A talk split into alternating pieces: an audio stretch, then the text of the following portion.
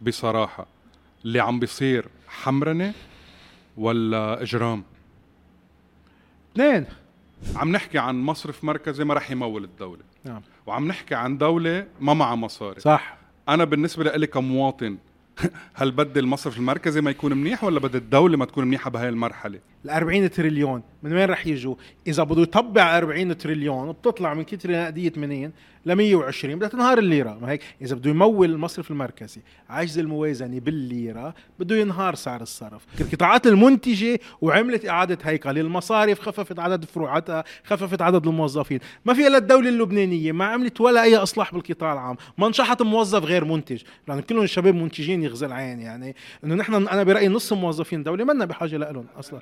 عم بيوعدونا إنه برومبرج رح تكون رح يكون فيها شفافيه أكبر من صيرفة أنت مع الدولة رشيد. إيه ليش المعاشات ما بدها تكون بالدولار؟ والضرائب بالدولار. معاشات الدولة ومعاشات القطاع الخاص. وسحاب اللبناني بالسوق وتلفه وكبه بزبالة. أنت الموازنة هي بتقول قديش ناوي آه، تصرف بالسنة اللي جاية. قد إيه ناويين يسرقوا بالسنة اللي جاية. أوكي. بدنا بعيده عن الحقيقة على فكرة.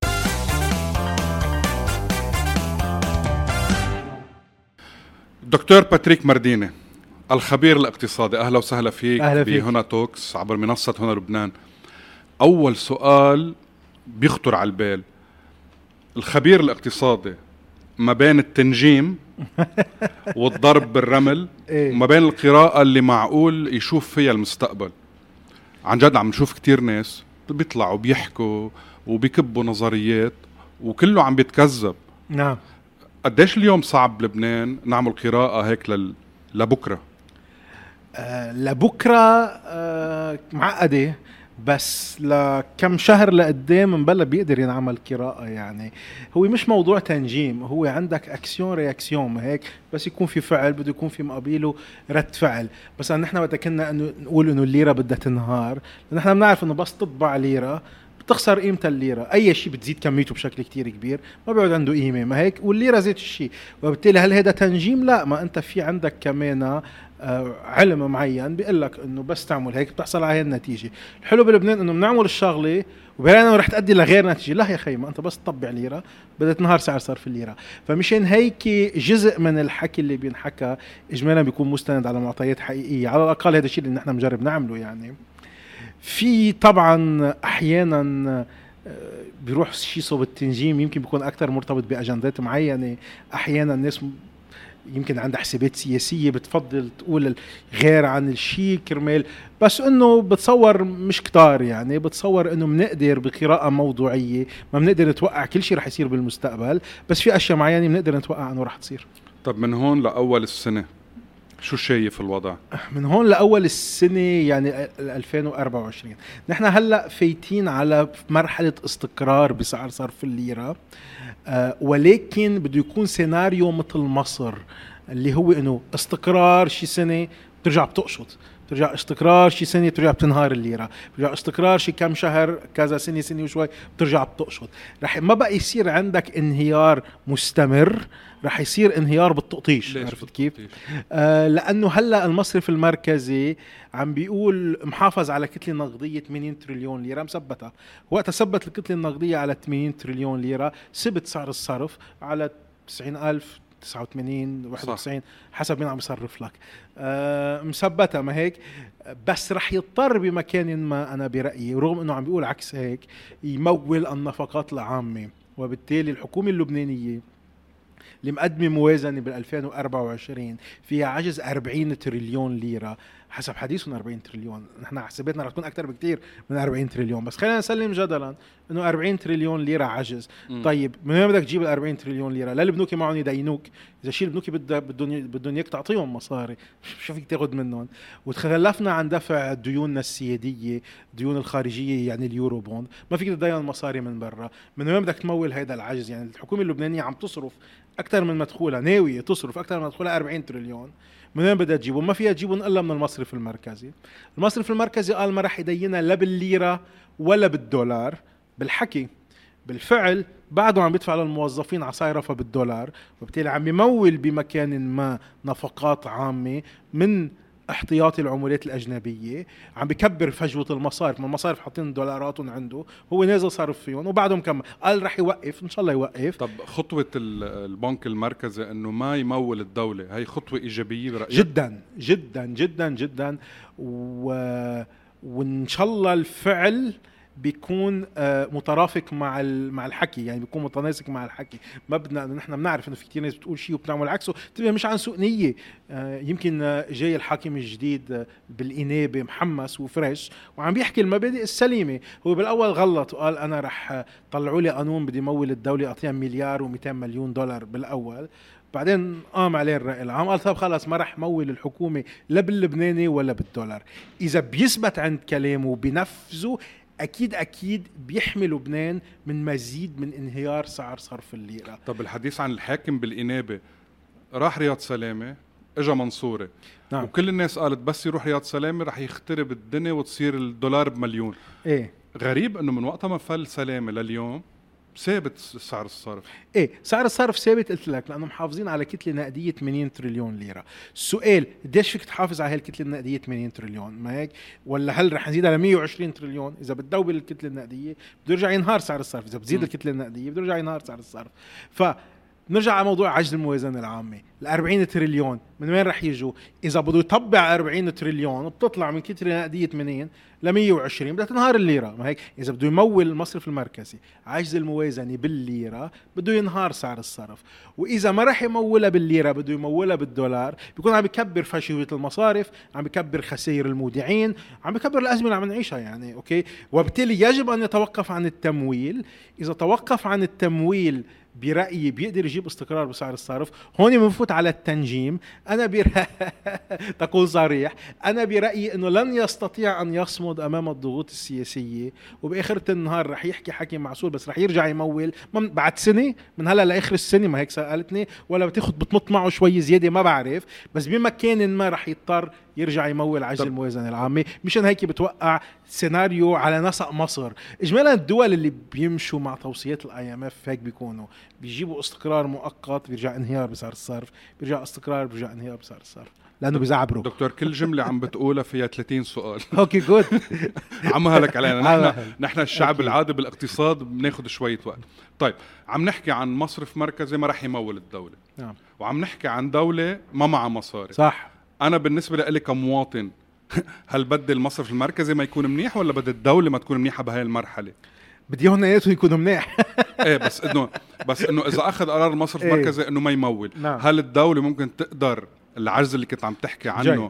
ممكن من الدولار الجمركي ممكن من زيادة الضرائب ممكن يأمنوا هالمصاري؟ إيه هلا أوكي خلينا let's break it down العجز اللي هو 40 تريليون هو فرق بين إيرادات ونفقات. الدولة اللبنانية متوقعة تعمل إيرادات هيدي بال 2024 240 تريليون ليرة 250 أوكي. تقريبا وكسور. مش عم بقول لك الكسور عم عم بحذف الكسور أوكي؟ هيدي إيراداتها. نفقاتها 300 الفرق بيناتهم هي ال 40 50 وكسور. أوكي؟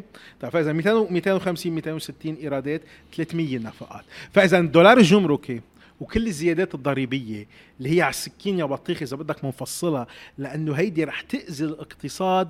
أي حدا منتج رح يضرب بعد مئة ألف حساب إذا بضل بهالبلد ولا بفل. ولا أي حدا عنده فكرة يفتح business ما بعرف إذا بضل بيفتحه بظل الضرائب اللي رح يفرضوها علينا. في عندك ضرائب مرعبة رح تنفرض هيدي الضرائب رح تجيب لنا إيرادات برأيهم 240 تريليون ليرة. أنا برأيي بتجيب أقل من هيك. بس خلينا نسلم جدل معهم. 240 تريليون ليرة 250 تريليون ليرة.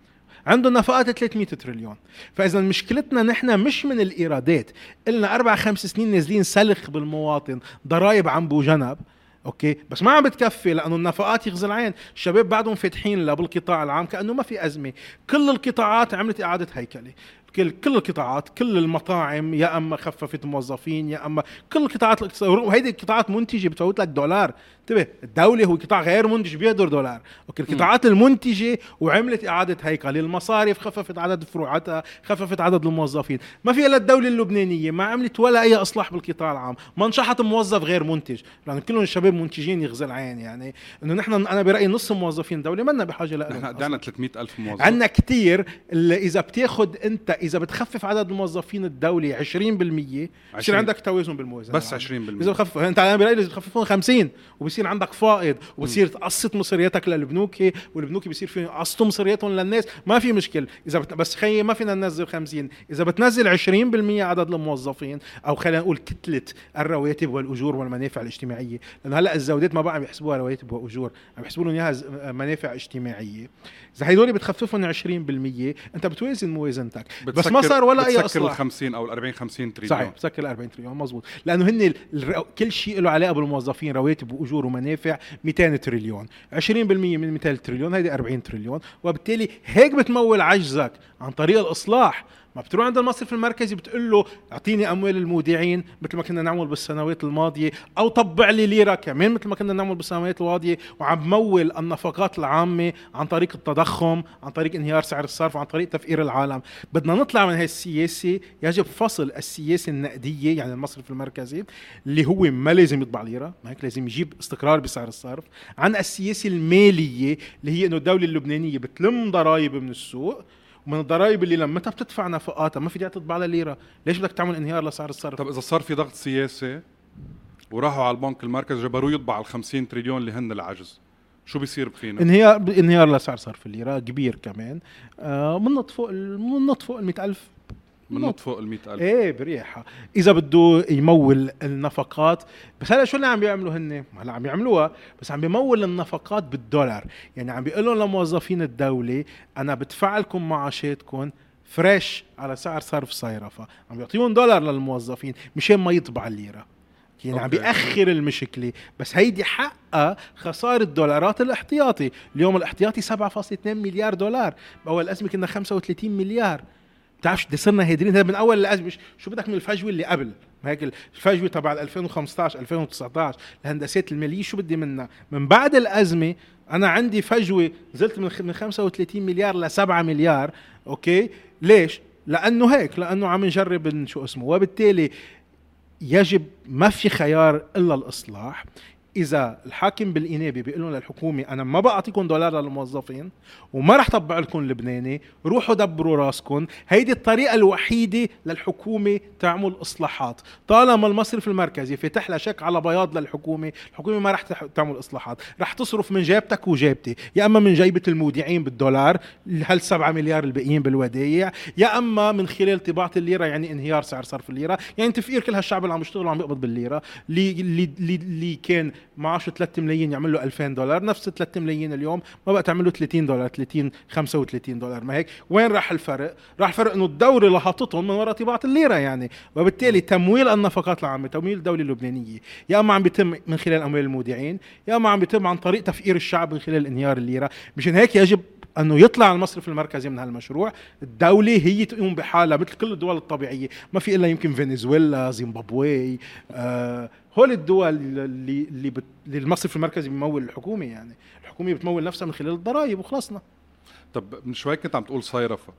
صيرفة بمرحلة لعبت دور وهلأ عم بينحكى إنه رح توقف صيرفة وتجي بلومبرج امم هل رح تكون هيدي ضربة ولا رح تكون مساعدة لنا آه الأكيد إنه على الأقل مثل ما عم بيوعدونا إنه. بما أنت بدك تمشي على الآخر توصل ما هيك مش فيك تصدق الحكي بس مثل ما عم بيوعدونا إنه برومبرج رح تكون رح يكون فيها شفافيه أكبر من صيرفه شو يعني شفافيه أكبر من صيرفه مش معناتها إنه إذا نقلنا على بلومبرج الدولار رح يطلع ومش معناتها إنه الدولار رح ينزل. ما ما لها علاقة هيدي.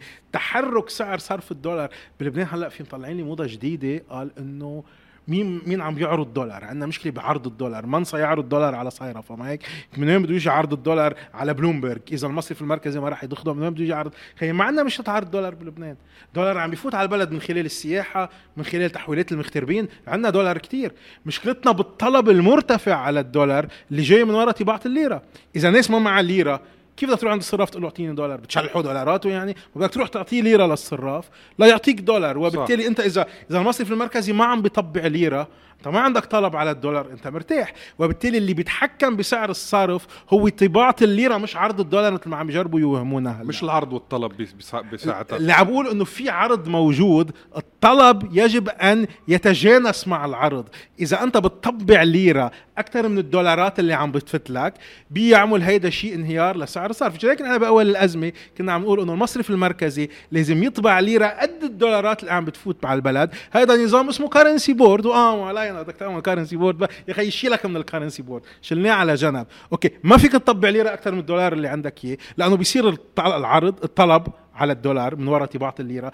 أي بس توصل الليره على إيد واحد بده يروح يطلب فيها دولار. يا أما بيروح عند الصرافي بيقول له صرف لي على دولار. يا أما بده يشتري سلعة من السوبر ماركت والسوبر ماركت بدها تستوردها من برا لهالسلعه بدها تحول لدولار لتقدر تشتريها. وبالتالي أي ليرة بتيجي على إيدك بتتحول لطلب على الدولار. مشان هيك أنت إذا بتطبع ليرة كتير بيطلع الطلب على الدولار بيصير أعلى من عرض الدولار اللي عم يجيك من وراء السياحة والخدمات. الدولار عم بيفوت على البلد. بصير في عندك انهيار بسعر الصرف أوكي؟ فهي هي الأساس. الأساس هو طباعة الليرة. مشان صايره كنت عم تسألني سوري أنا شطيت بس لاني تذكرت هيدي وفي كتير مغالطات عم تنحكى وبيسوى يعني.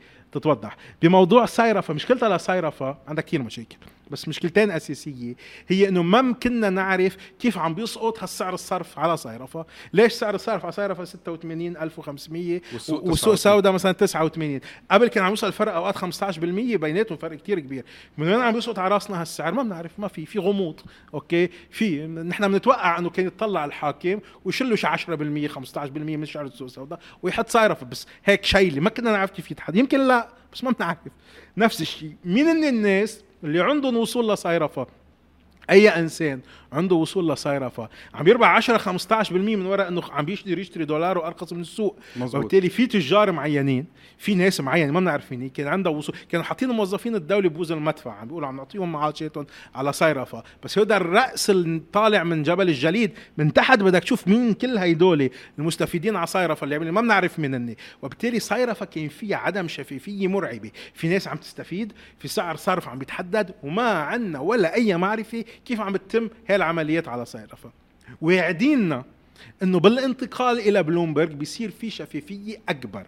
يعني بصير بيصير تتسجل العمليات بيصير عندنا كل العروض تبع الدولار. يعني مثلا بعرف إنه فلان بده يبيع دولاره ب 90 فلان بده يبيعه ب 93 وفلان بده يبيعه ب 95 وفلان بده يشتري دولاره ب 89 وفلان بده يشتري دولار ب 85 وب 83 وبالتالي أعلى عرض وأوطى طلب هي مثلا شو بعرفني 89 90 هذا بيكون سعر الصرف إذا بدك تشتري أو تبيع 89 90 حسب قديش الأوفرز اللي على يعني ما السوق. بيقعد في سعرين. مثل ما كان صيرفه يعني مش مش مش بكرة بنشوف بلومبرج 90 والسوق 95 آه مثلا. هي هون برافو. شكرا على السؤال.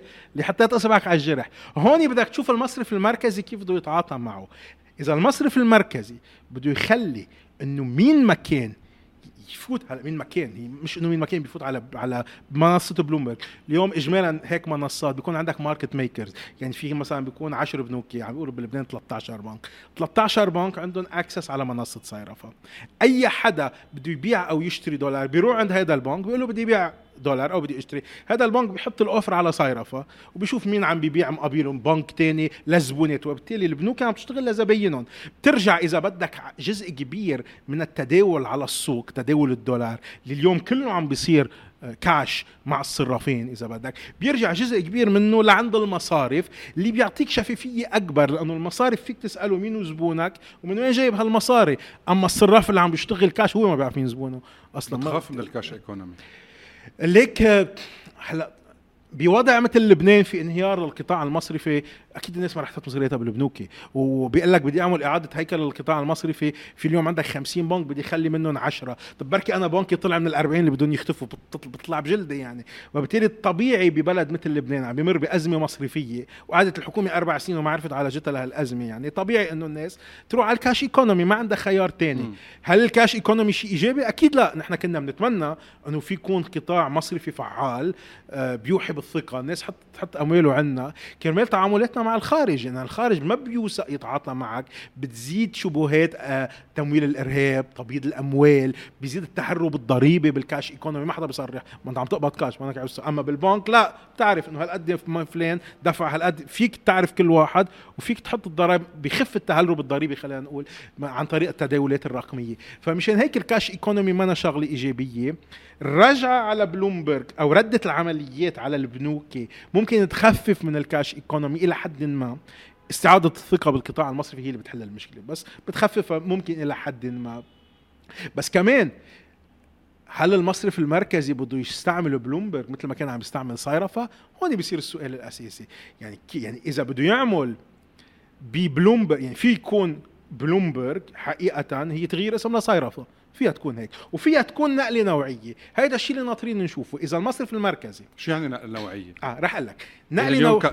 قراءة اقتصادية إيه؟ كيف بتشوف النقلة النوعية؟ إنه خلص في بلومبرج وخلص. إيه بصير في بلومبرج صار في أول شيء قلت لك جزء من النقلة النوعية هي الشفافية بالتداولات. وإنك تطلع جزء من ال transactions من السوق السوداء وتحطهم بالقطاع المصرفي عم بترجع ترد الاقتصاد الشرعي ترد له نفس. الناس اللي ما بيحبوا يشتغلوا مع السوق السوداء عم ترجع ترد له النفس. هيدا جزء منها بس الجزء الأهم منها هي إنه بيقدر المصرف المركزي يقول إنه سعر الصرف على منصة بلومبرج 80000 ويكون بالسوق السوداء 90000 مين بده يبيع دولاره ب 80000 على بلومبرج ما حدا بيبيع دولاره ب 80000 على بلومبرج بيضطر المصرف المركزي إنه هو يكون البائع الوحيد وبيقول لك والله ببيع دولار وبيرجع بيوقف يبيع دولار بيغيب له جمعتين بيرجع هونيك نهار بتخطر على باله بيكون شبّ الدولار على السوق السوداء بيرجع بيضخ دولار إذا بدها تشتغل هيك مع بلومبرج مثل ما كان عم يشتغل مع صايرفه قبل بيكون بعدنا محلنا.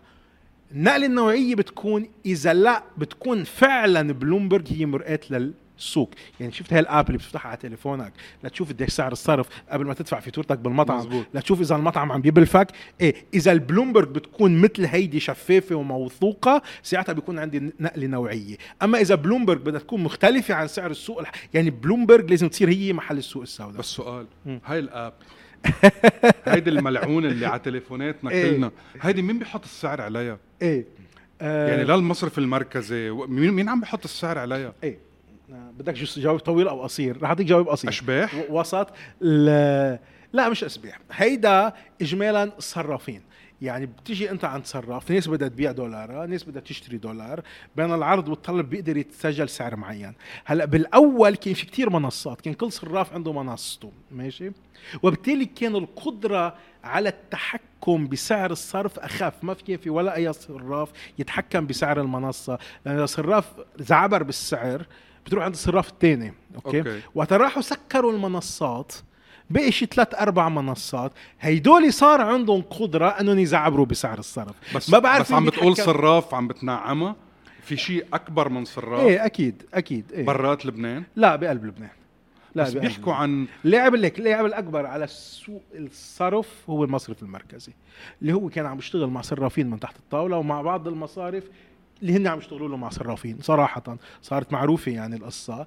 آه وفي إيه في شوية ذبذبات فولاتيليتي بتصير لك اولا سعر الصرف على هيدي المنصة هو أقرب سعر صرف للحقيقة. يعني سبب انهيار الليرة من 1005 ل 90000 هو إنه المصرف المركزي طبع ليرة. أوكي؟ هلأ هل لازم تكون 93 أو 87 هون بتفوت إنه الصرافين عم يعملوا سبيكوليشن وشويه تلاعب بس هذا ولا شيء هذا انجا 10% من السعر عرفت شو قصدي؟ مشان هيك تفوكس إنه اوف سعر الصرف انهار لأنه في منصات وصرافين عم يتلاعبوا. هذا جعدهم انهيار سعر الصرف سببه طباعة الليرة وخلصنا بقى أكثر من الليرة اللي عم تفت لنا عم تطبع ليره أكثر من الدولار اللي عم بيفت لنا. هذا سبب انهيار سعر الصرف الليرة. هلأ نحن بنخف بنحب ينزل السبريد تبع المنصات بين الصرافين تخف قدرتهم على هي ال 10% اللي اللي ماشي يعني 10% حد ال 90 ما شيء بس برضه هي ال 10% بنحبها تختفي. هيدي ممكن تختفي من خلال الانتقال على بلومبرج إذا كانت بلومبرج منصة شفافة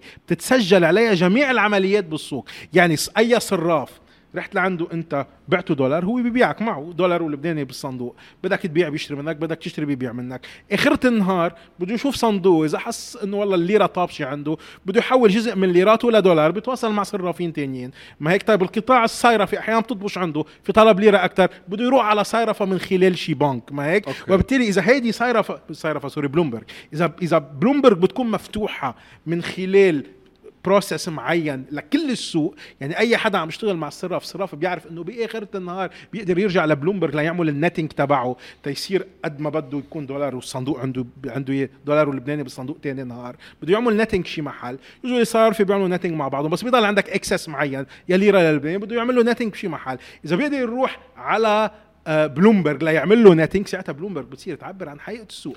أما إذا بنقول له لا ما بحق لك تروح على بلومبرج ليش؟ لأنه خلصوا دولارات بلومبرج. مثل ما كانوا يعملوا لنا بصيرفة آه، ساعتها بعدنا محلنا يعني مش غيرت. لها الاسم يعني. كان اسمها okay زدت شوية شفافية زدت شوية شفافية بس غيرت لها اسمها. كان اسمها صيرفة اللي هي اسم عربي صار اسمها بلومبرج اسم أجنبي صار fancier بس هي هي يعني. دكتور آه، من من هيدي النقطة مم. بنروح على توحيد سعر الصرف.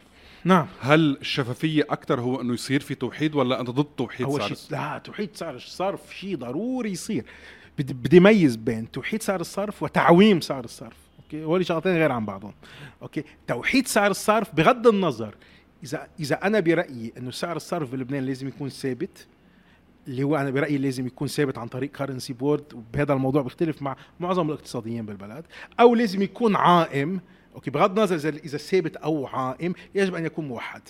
يعني لازم يكون في فرق سعر صرف. بغض النظر إذا كان ثابت ولا عم يتغير كل يوم. يعني الدولار مقابل اليورو. اليوم امبارح كان 1.06 يمكن ما هيك على بكره يمكن يصير 1.1 أو 1.05 مزبوط. بيتغير بس مش ما عندك 100 سعر صرف. عندك هذا السعر ما في غيره يتغير. هذا عائم بس موحد. وفي يكون ثابت مثل 1500 تبع لبنان ثابت. وين ما تروح؟ 1515 ما هيك وبالتالي هل يجب توحيد سعر ضروري يصير توحيد سعر الصرف. جريمة ما يتوحد سعر الصرف. لأنه وجود آه تعدد بأسعار الصرف بيفتح مجال للمضاربة. بتصير الناس بدل ما تروحوا تعملوا productive work مثل اللي أنت عم تعمله من خلال البودكاست تبعك تتعب بعرقك لتطلع مصاري. بتصير الناس شغل تشوف كيف بدي أقطف مصاري على صيرفه وأرجع بيعها بالسوق السوداء وطلع الفرق بيناتهم. وما بيقعد حدا عم يعمل productive work بصير كله عم يعمل speculation ونصير بلد ما في شيء لا سيء جدا تعدد أسعار الصرف ومجحف أصلا مجحف بحق الناس اللي ما عندهم access على صيرفه مقابل الناس. فضروري يجب توحيد أسعار الصرف ضروري.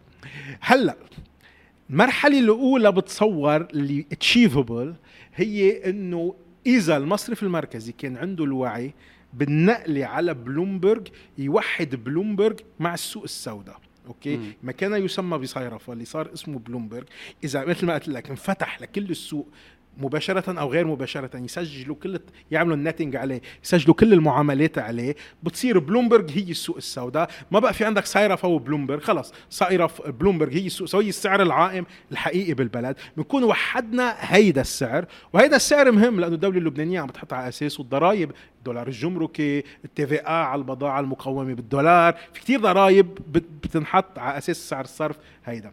بس في سعر صرف تاني هي السحوبات من المصارف اللي هي ال 15000 اليوم. ما هيك؟ مزبوط. إيه، اليوم هيدا ال 15000 هيدا حقيقة منه سعر صرف بقدر ما هو capital control بالعربي المشبرح. هيدا capital control ليش؟ اليوم ال- القطاع المصرفي تحديدا المصرف المركزي قايل لك فيك تسحب بالشهر من الأموال القديمة الدولار القديم المقيد بالمصارف فيك تسحب 400 دولار بالشهر ما هيك؟ أي شيء فوق ال 400 دولار تاخده على تاخده على ال 15. 15000 يعني عم بينعمل لك فيه آه، آه، آه، حوالي 80% ما هيك على قيمته الحقيقية. هذا اسمه capital control إذا بتطلع فوق السقف اللي أنا حاطط لك ال 400 دولار بضربك فيه معينه تا إرم- إردعك ما هيك؟ so هيدا ال 15000 عم بيشتغل ك capital control هيدا ما فيك تطلع منه إلا ما تعمل قانون capital control إذا بتطلع مجلس النواب بيحط قانون capital control بيقول ممنوع أكثر من 400 دولار وأي حدا بده يسحب أكثر من 400 دولار بالشهر بيدفع غرامة 70% 80% بده هو يزيد بتلغيه ساعتها لل 15000 بتكون وحدت جميع الأسعار مع بعضها عرفت كيف؟ يكون صار السعر. مثل السوق بقلب البنك. صحيح. فإذا بدك بدك تشوف المجلس النواب هون إذا بده يوح... إذا بده يعمل لك قانون capital control ولا لا. لبين أو أو إذا ما بدك تعمل capital control حل مشكلة الدولار القديم بشرفك. بالمصاري. نحن بعد بدنا نشوف مجلس نواب ووزراء. يعني على على اللي عم نشوفه. إيه. طب هذا مثلا وزير الاقتصاد طب معقول وزير الاقتصاد فوتنا بالحيط مع الكويت ومع مصر؟ طب هي وس- سياسة لبنان هي شحاده عم نشحد من العالم نحن؟ ما فيك تحكي عليه هذا بده يعمل رئيس حكومة. آه كمان. ما هو إذا وزير اقتصاد. وعمل فينا هيك. إيه لا. يعني بعد فينا نعتمد على السياسيين. ليك آه، يعني بدك تشتغل مع الموجود شو بدي أقول لك؟ مفروضين علينا. ليك ليك كلمة حق تقال. في جزء من السياسات اللي اعتمدت بوزارة الاقتصاد آه، اللي هي أنت سميتها الشحادة ما حسنت صورة لبنان على الأكيد. بس في أشياء إيجابية صارت مثلا موضوع الدولره أنا برأيي إنه سمح لدولره القطاعات. هيدا أنقذ كتير شركات من التسكير من الإفلاس. الشركات اللبنانية كلياتها كانت عم تخسر أموال كتير كبيرة من وراء تقلبات سعر الصرف وما بحق لها تفوتر بالدولار. وبالتالي يقبض مصرياته لبين ما كان صرفهم. أول شيء بده يربح من نية صراف عم بياخذ منه الصراف فيه ليحول له اياهم وثاني شيء لبين ما كان حولهم بيكون تغيرت قيمتهم عم بيفوتوا بالضرر. في كتير شركات بلبنان سكرت مش من وراء انهيار سعر صرف الليرة من وراء التقلبات الحادة وكانوا مجبورين يسعروا بالليرة. هو القطاعات الشرعية شو بدهم القطاعات الغير شرعية؟ يعني دكتور عم تحكي عن الأسعار المنتوجات.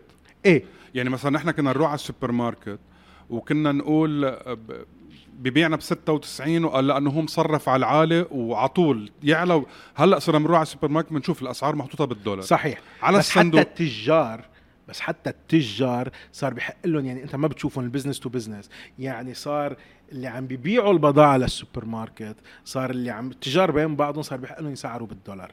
okay قبل كان ممنوع هذا الشيء منيح. إيه هذا الشيء منيح لأنه أول شيء ما بيقعد في داعي يقطعوا بالسوق السوداء تبع الصيرفه يعني أنا بسعر لك باللبناني بدي ارجع أروح عند صراف لسعر بجيب بدي ياخذ له مصاري هالقد للصراف ليعطيني مقابلهم دولار ما بعرف من وين جايبه كل هيدا الشيء منيح إنه صار في تسعير بالدولار.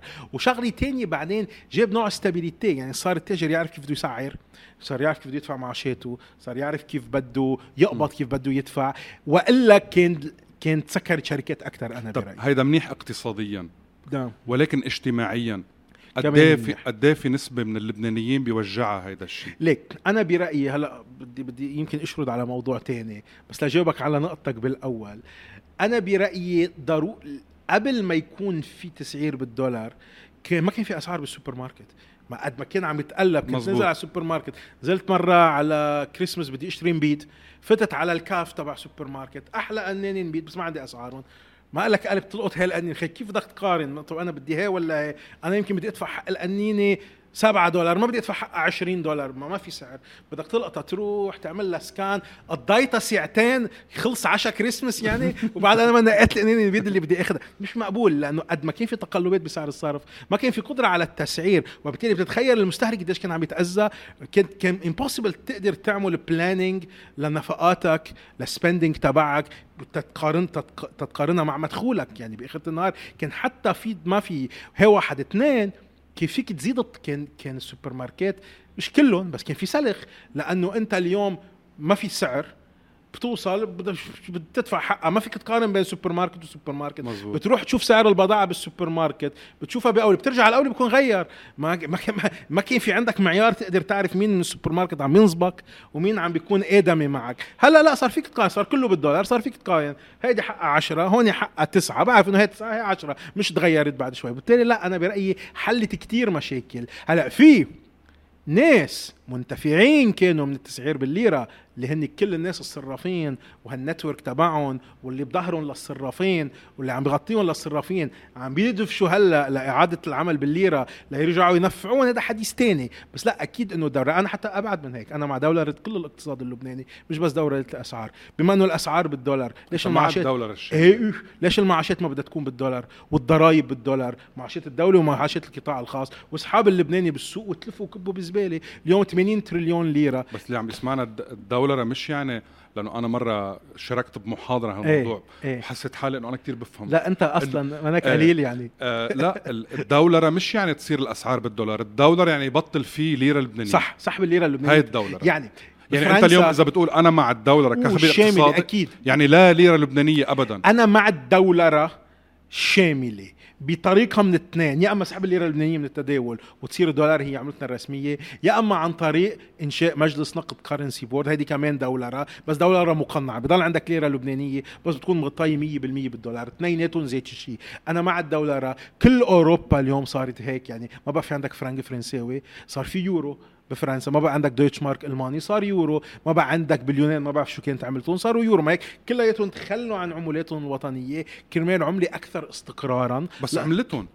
يعني نحن عملة مين؟ عملة ألمانيا دخلك اليورو، لا. عملة اليونان، شفنا بالأزمة الاقتصادية عملة إسبانيا، عملة البرتغال اللي بيقولوا لهم PIIGS ما هيك، برتغال إيه مش رح لك إياهم بس إيطالي. المهم okay. لا ما أنا عملتهم. في كم بلد م... okay. يا خيي روح انسى انسى أوروبا، روح على Latin America، الاورجواي صارت مدولرة، أه هلأ الأرجنتين ال leading candidate المرشح اذا بدك اللي عنده احتمال كثير كبير يربح الانتخابات مع الدولرة الشاملة مثلا لأنه الأرجنتين مثل نحن عم مثل الأرجنتين بس على ألعن يعني آه، من خلال انهاء ال- آه، التحكم السياسيين بسعر صرف اللير سعر صرف البيزو عندهم ونهب ثروات الناس شغلهم من خلال تخفيض سعر صرف العمله مش هيك؟ مش هذا عم بيصير؟ الأرجنتين هن مدرسه بهذا الموضوع. هلأ عم بيجي مرشح جديد عم بيقول أنا بدي دولرة. هلأ بأمريكا ما بدهم دولار شو بدي؟ ال establishment هونيك ما بده دولرة بس هو بيقول لك أنا بفضل يستعملوا بس في ناس تعتبر إنه الدولار منصير آه، تحت الانتداب الأمريكي نوعا ما. ليش؟ ما خص شو لأن هلا بدك مدولار اللي هلا شو ما فهمت يعني؟ هلا شو ما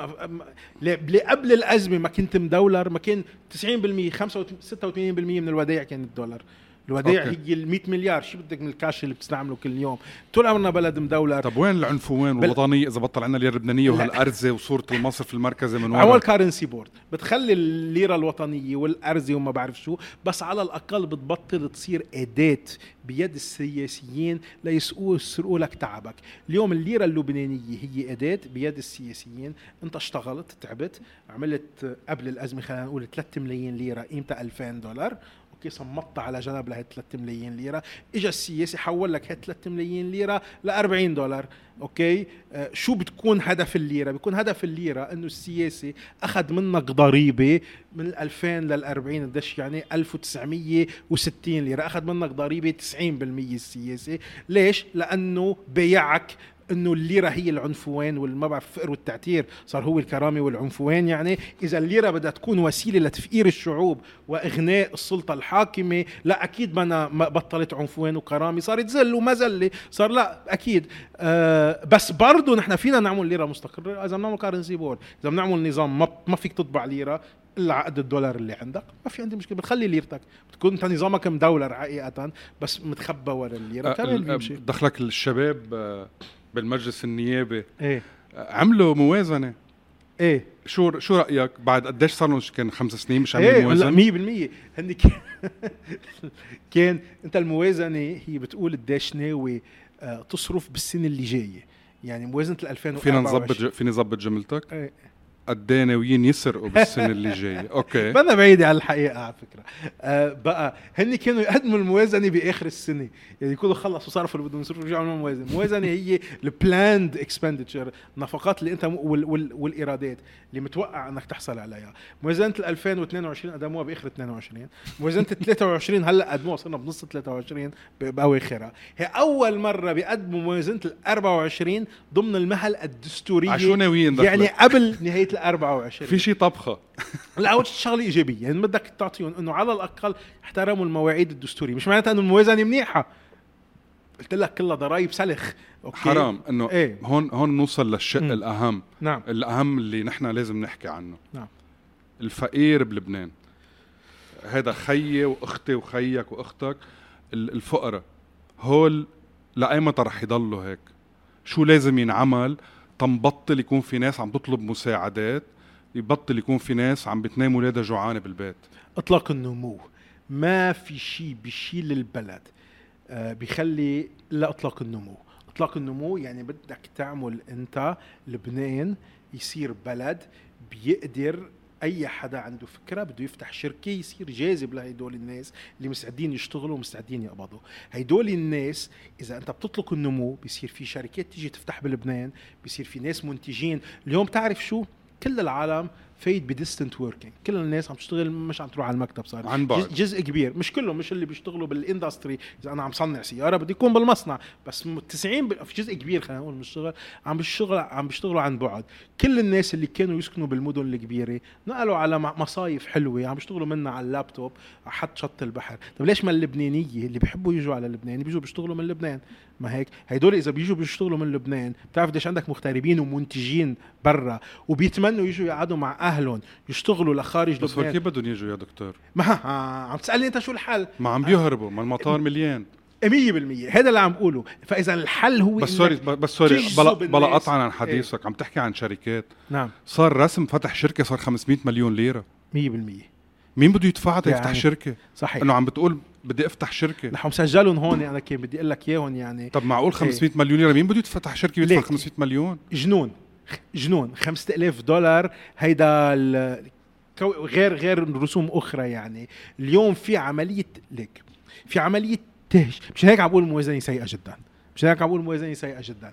اليوم بالموازنة الحالية إذا أقرت مع كل الضرائب والرسوم المحطوطة فيها ما بيقعد في شركة بتفتح بلبنان.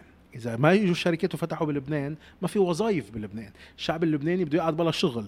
وإذا ما في شركات بلبنان عم بتوظف وعم تشتغل من مين الدولة بدها تجيب مصاري في كم مطعم فتحوا هلأ بالصيف. رح يسكروا. مليانين. إيه. وسمعنا اللي بيضلوا ينقوا. إيه ما المطاعم مليانة؟ رح تشوفوا المطاعم فاضيه رح يفلوا الناس. صحيح. رح يبطل في اقتصاد. نحن السياحة عم نعتمد عليها. مشان هيك أنا برأيي كل الأبروش تبع الحكومة اللي هي أبروش رفع الضرائب من أجل زيادة مداخيل الحكومة أنا برأيي هيدا ابروش خاطئ. جربناه قبل الأزمة بال 2017 زادوا الضرائب. أم قلوا مداخيل الدولة. ورجعوا بال 2018 زادوا الضرائب. كمان قلوا بدل ما يزيدوا المداخيل قلوا وبال 2019 آه، آه، زادوا الضرائب كمان. أنا عم بحكي قبل الأزمة مش معقول. طب هلأ زادوا لأنه إذا. بعد إذا بعد الأزمة بيقول لك إيه ما صار في أزمة. ما هيك؟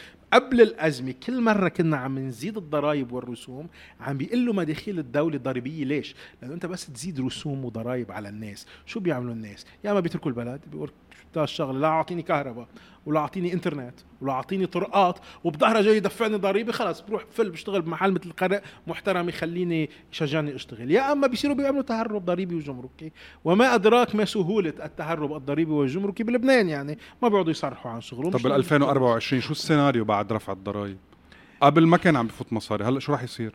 زيت شيء ما رح نشوف فقر أكثر أنا برأيي إيه؟ أنا برأيي ال- الض- الضرائب والرسوم الموضوعة رح تحرم البلد من أي فرصة لإعادة جذب الشركات وإعادة إطلاق الأعمال بلبنان وإعادة إطلاق النمو، وإذا ما في شركات تدفع ضرائب، الدولة ما فيها تجبي ضرائب، الدولة فكرة إنه إذا بتزيد الضرائب بيزيدوا مداخيلها، لا حبيبي إذا بتزيد الضرائب الشركات بتفل وبيقلوا مدخولك، إذا أنا بضرائب واطي يمكن عندي 100 شركة بجمي منها، إذا بعلي الضرائب بصير عندي 10 شركات اجبي منها، قد بدي أعلي عليهم لاقدر أسحب منهم مصاري، ما فيهم يدفعوا قد 100 شركة، هدف الحكومة يجب أن يكون تحفيز النمو، تغيير نهج السياسة شو الضريبية. يعني شو يعني يعني بدل ما حط ضرائب على الشركات وزيد أو على الناس.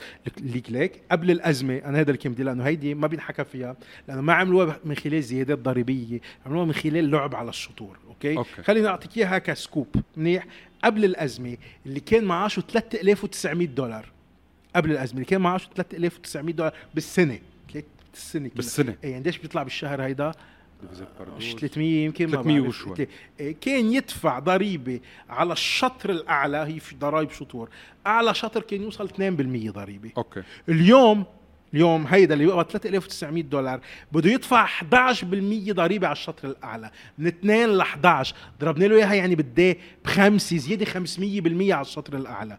اللي كان معاشه 8000 دولار قبل الأزمة على بالسنة. الشطر الاعلى بالسنة 100% على الشطر الأعلى كان يدفع 4% اليوم على الشطر الأعلى بيدفع 15% اللي كان معاشه 25000 دولار قبل الأزمة كان يدفع 11% على الشطر الأعلى. اليوم عم يدفع 25% بيقول لك نحن ما زدنا الضرائب. إيه بس زعبروا بالشطور. عرفت كيف؟ يعني كان الشطر تلحقك الضريبه العاليه على شطر معين. هلأ صاروا من خلال سعر الصرف صارت الشطور كتير واطية وبالتالي في سلخ. هيدول انتبه هيدول ضريبة دخل يعني الموظفين اللي عم مش إنه ضريبة أرباح على الشركات. الشركات مثل ما أنت قلت مستحيل اليوم بموازنة 2024 ما فيك تفتح شركة. عندك الرسوم مره عدت لك إياهم بس في رسوم جنون جنون. الرسم اللي كان 10 سنت 300 ليرة قبل الأزمة اليوم صار مدري قديش دولار ونص. الرسوم 5000 دولار لل, لل... شو اسمه هذا القضاء مدري شو. مين بقى بده يفتح شركة بلبنان؟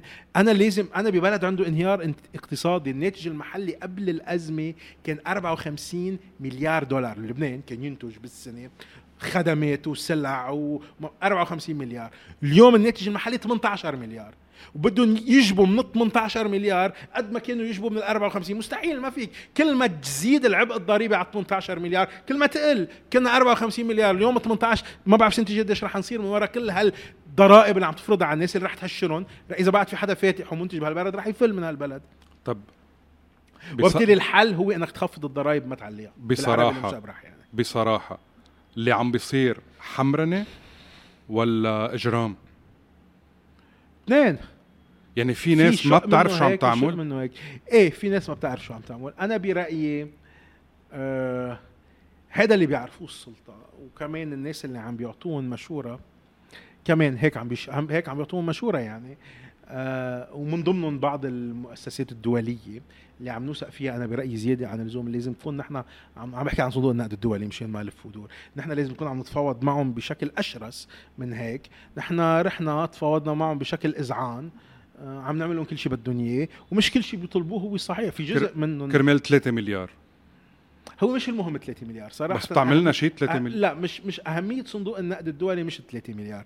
أهمية صندوق النقد الدولي إنه من خلاله بتسترجع ثقة المجتمع الدولي. أوكي؟ وبالتالي في مجال ساعتها يرجع المستوى الدول المجتمع الدولي يوثق فيك يساعدك يفتح لك مجال للاستثمارات يخفف القيود على البلد. بس هيدا بس هو. sorry يعني قلت قلت عم نعمل لهم شو ما بدهم. صندوق النقد طلب شغلة وحدة قال بده إصلاحات. طب وين الإصلاحات اللي صارت؟ بعدنا بلا كهرباء بلا مي بلا إنترنت. ما هي من أوجيرو عم بتسكر. و... صحيح 100% أنا برأيي اليوم ما في نية عند صناع القرار بالاتفاق مع صندوق النقد الدولي بعكس ما بيقولوا. لأنه في ما بدهم. ما بدهم. في كثير إصلاحات طالبها صندوق النقد الدولي. آه ما رح تصير. يعني مثلا أهم شو شو بدك؟ أول شيء موضوع إعادة هيكلة القطاع المصرفي. صندوق النقد الدولي عم بيقولوا بدكم تحط صوتوا على خطة ما راح يصوتوا على خطة هذا هذا اللي معرقلنا الاتفاق. موضوع السرية المصرفية عملوا قانون قال لهم صندوق النقد الدولي منه منيح وما راح يعملوا قانون غيره. وبالتالي في أشياء معرقله قال لهم صندوق النقد الدولي بدكم تعملوا موازنة 2024 قبل بداية ال 24 عملوها هو القصة. موازنة تعبانة وكلها ضرائب بس عملوها. وبرأيي هن عم يجربوا يعملوه إنه عم بيجربوا ياخذوا الاتفاق مع صندوق النقد الدولي بلا ما يعملوا الاصلاحات اللي لازم يعملوها من خلال تسويات سياسية وترسيم حدود وما بعرف شو. يمكن بقول لك أنا إذا بمرق من هون بيعطوني من هونيك ما بعرف كيف عم بيحسبوها الشباب عنا بس الأكيد الأكيد إنه المسار اللي نحن رايحين فيه حاليا لا يبشر بالخير لأنه زيادات الضرائب والرسوم الموجودة بالموازنة سوف تخنق الاقتصاد. أنا برأيي بوضع ببلد مثل لبنان عم بيعيش انهيار اقتصادي لازم تعمل شغلتين. لازم تخفض الضرائب والرسوم وتبسطها يعني بتحط ضريبة وحدة فلات تاكس كل واحد عم يشتغل بلبنان بيدفع ضريبة وحدة مثلا 5% خلاص وبس. مش مش في 12 مش في بتلغي كل شيء بس ضريبة 5% على كل شيء. 5% على الاستيراد على كل شيء بتستورده 5% على الدخل. 5% على حتى أنا برأيي 5% كثير 2% وزيادة يعني 2% على لا تجذب اسمها انت لا عندك لا كهرباء ولا انت ليش بده يجي لعندك؟ على القليله بدك تنافس بالضريبة تعطيه ضريبة أقل من غيرك تا يجي لعندك. إنه اليوم أنت بتروح على الخليج الخليج كله بتدفع 10% على الأرباح وبس ما في ولا أي ضريبة ثانية ببعض البلدان بدبي لحد أرباح لسقف معين ما في ضريبة معفى من الضرائب. طب ليش وعندهم كهرباء وعندهم إنترنت وعندهم مي وعندهم كل شيء. وبالتالي أول شغلة بدك تعملها بدك تعمل يعني كل هالضرائب التصاعدية والإعفاءات والما بعرف شو وهذا الآيتم عليه ضريبة هذا الآيتم عليه جمرك 50% هذا الآيتم معفى من الجمارك وبفوت أنا تبع ال 50% بظبطوا لي كانه معفى من الجمارك. ما هيك هذا كله بده يوقف. بتعمل فلات ريت 2% مثلا على كل شيء بتستورده أوكي. 2% على كل شيء بتطلعه. شو ما كانت شركة فرد خلاص بس هي هذا أصلاح ضريبي هيدا بيرد لك الناس على القطاع الشرعي بيطلعهم من السوق السوداء. لما بدل ما يظبط تبع الجمرك آه لأنه 50% جمرك بظبطوا لتبع الجمرك ليمرق له إياه. بس 2% جمرك ما محرزه بيدفعها للدولة بفوت بضاعته عرفت كيف؟ هيك بتردهم على القطاعات الشرعية هيك بتوسع القاعدة الضريبية وبتحفز النمو. بدل ما يكون عندك 10 شركات عم يدفعوا ضرائب بصير عندك 100 شركة عم تدفع ضرائب. أنا برأيي الحل هو بالنمو مش بزيادة الضرائب. هذا اولا. ثانيا كل الخدمات اللي عم تقدمها اليوم الدولة اللبنانية كهرباء معالجة نفايات صرف صحي اللي هي ما عم تقدم شيء منها يعني. إيه على سيرة معالجة النفايات. مم. طب مصاري البلديات منين رح يجيبوها؟ إيه 100% هلا بدهم يزيدوا الضرائب اللي اللي هن عندهم صندوق بلدي مستقل. الدولة اللبنانية بتحط ضرائب بتحطهم فيه للصندوق على أساس تعطيهم للبلديات وما بتعطيهم للبلديات بتاخذهم هي. هلا بدهم يزيدوا الضرائب لهدول الصندوق البلدي المستقل بكذا طريقة يعني. قصة البلديات اليوم أنا برأيي لا مجال لقيامة لبنان. إلا عن طريق تعاون البلديات مع القطاع الخاص من أجل تأمين الحاجات الأساسية للسكان. يعني اليوم في ضياع مثلا عم تعمل بيجي القطاع الخاص بلدي ما مع مصاري أصلا بيعمل مزرعة طاقة شمسية بالتعاون مع البلدية. اليوم عم بيقدروا يبيعوا كهرباء للمواطنين أرخص من كهرباء الدولة. ما هيك؟ وعم يعطون 24 ساعة كهرباء. بفوت أرباح للبلدية. إيه طبعا. أو في بلا ما يفوت بترحموا له عبي على ل- لرئيس البلدية أعطاهم كهرباء. ما بكفي أوكي في اليوم بتقدر تعمل حلول لمشكله الزبالة على مستوى البلديات كمان. بتيجي شركات بتقدر تحل هيدي المشكلة. وهذا الشيء بيقدر ينعش الحركة الاقتصادية على المستوى المحلي. يعني اليوم أنت إذا بضيعه زراعية مثلا مثل ببشري بتزرعوا تفاح أو إذا بتروح على على عكار مثلا في زراعه أو على بقاع أو بمحلات من الجنوب بيزرعوا ليمون ما هيك؟ طيب تيكون عندك زراعة بدك كهرباء وبدك مي البلدية بتقدر تأمن هول الخدمات عن طريق التعاون مع القطاع الخاص. خلي القطاع الخاص يعمل مزرعة طاقة شمسية يبيع كهرباء للناس. بس انت اضمن له حقه يعني ما حدا ياكل عليه حقه وينصب عليه ويروح يقوص له على ال... بس بدك شوية شرطة بلدية يعني هي سقفة. نفس الشيء الزباله بيقدر هو يلم الزبالة ويعالجها. لقاء انت بتدفع له بدل آه، انت كمشترك معه. كيف تشترك بالإنترنت؟ بتشترك بالزباله اللي لك زبالتك. بس انه البلدية بدها تتأكد ما حدا يشندف زبالته على جنب الطريق ويحرقهم بالليل. يعني كمان حد أدنى من شرطة بلدية. هي هي إذا بتأمن البلديات هذا الإطار بتقدر تجذب استثمارات. هيدي الاستثمارات إذا صار عندك أنت اليوم كهرباء ومي الزراعة بتنتعج ما شو اللي خانق الزراعة؟ الزراعة بدها ري. الري بده كهرباء آه الزراعة ومي. والزراعة بدها تبريد هو البضاعة اللي صح. والتبريد بده كهرباء. وبالتالي أنت إذا بتأمن كهرباء وبتأمن مي بتقدر تنعش قطاع الزراعة. الصناعة بده كهرباء نف... وبده مي بس بده كهرباء أكثر نفس الشيء إذا البلدية بتحل مشكلة الكهرباء تنتعش عندها الصناعات بالمنطقة. الخدمات يعني المحلات اللي بتبيع تياب و shopping والمطاعم والقهاوي بدها شوية نظافة ما هيك؟ وبدها كهرباء كمان كله بده كهرباء بالآخر وبدهم مي. هو حتى. المي بدها كهرباء. حتى المي بدها ما هي المي بدها الكهرباء بدها كهرباء. الكهرباء بدها كهرباء. والكهرباء بدها وزير كهرباء. لا. ووزير لا، الكهرباء. الكهرباء بدها إلغاء وزارة الطاقة من الوجود. إلغاء إلغاء الغاء الغاء وإلغاء كهرباء لبنان وتخلي كل بلدية هي بالتعاون مع البلديات لحد بالتعاون مع القطاع الخاص يشيلوا بحالهم وبيشيلوا بحالهم. وساعتها بتعرف مين البلديات المنيحة ومين البلديات اللي مش منيحة. ووزاره الاتصالات كمان بنشيلها.